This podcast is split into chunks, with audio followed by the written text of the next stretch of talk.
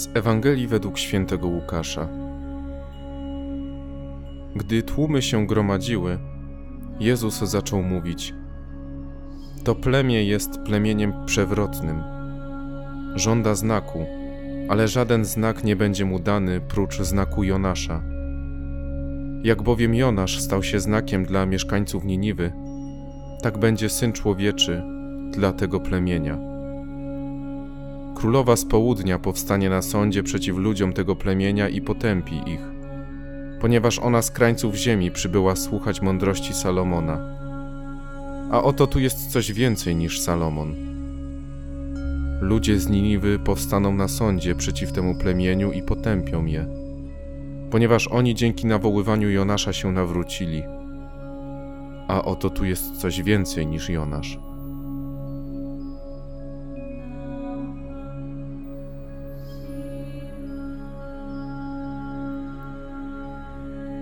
Jakiego Jezusa spotykam w tym słowie? Przeraziłem się go? Zaskoczył mnie?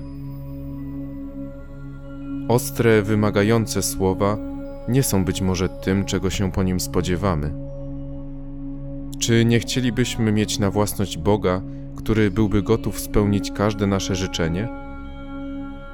Chyba często tak pojmujemy Jego wszechmoc, a to potworna redukcja Droga nie tylko na skróty, ale donikąd. Chrystus nie jest, mówiąc kolokwialnie, złotą rybką. Choć bylibyśmy gotowi stworzyć dla cudowne akwarium naszych okrągłych słów i obietnic. Próbujemy zamknąć Pana w ciasnym horyzoncie naszego patrzenia. Powiedzmy sobie to jasno.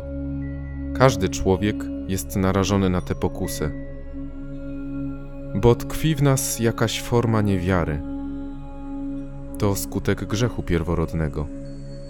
Nie okazaliśmy najwyższego zaufania Bogu i pozwoliliśmy uwieść się złemu.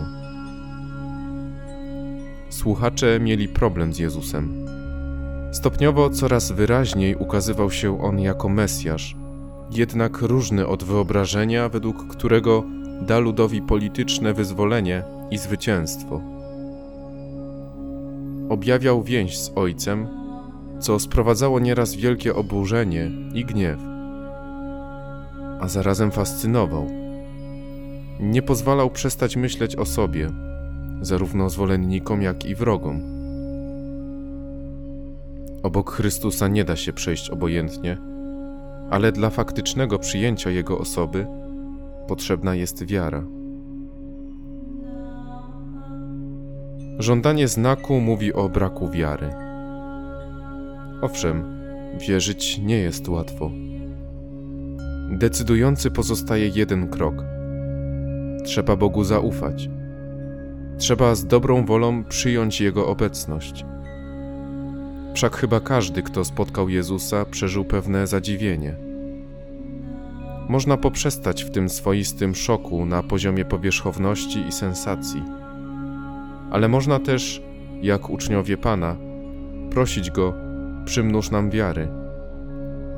Odbiorcy Chrystusa mają do czynienia z kimś większym od Salomona czy Jonasza, z samym Bogiem. Stąd konsekwencje Jego zlekceważenia będą głębsze niż w czasach Starego Testamentu. To już nie kolejny nauczyciel bądź prorok, to początek i koniec, alfa i omega.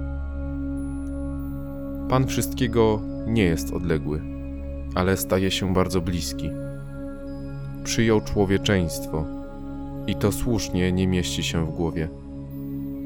Prawdziwy Bóg i prawdziwy człowiek. Jezus Chrystus zaprasza nas do wiary i zaufania.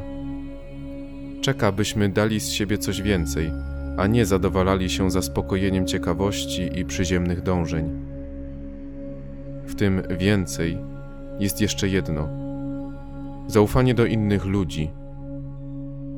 Ufaj Panu, by zaufać także bliźniemu, by nie wystawiać na próbę kogokolwiek, kto został stworzony na obraz i podobieństwo Boga.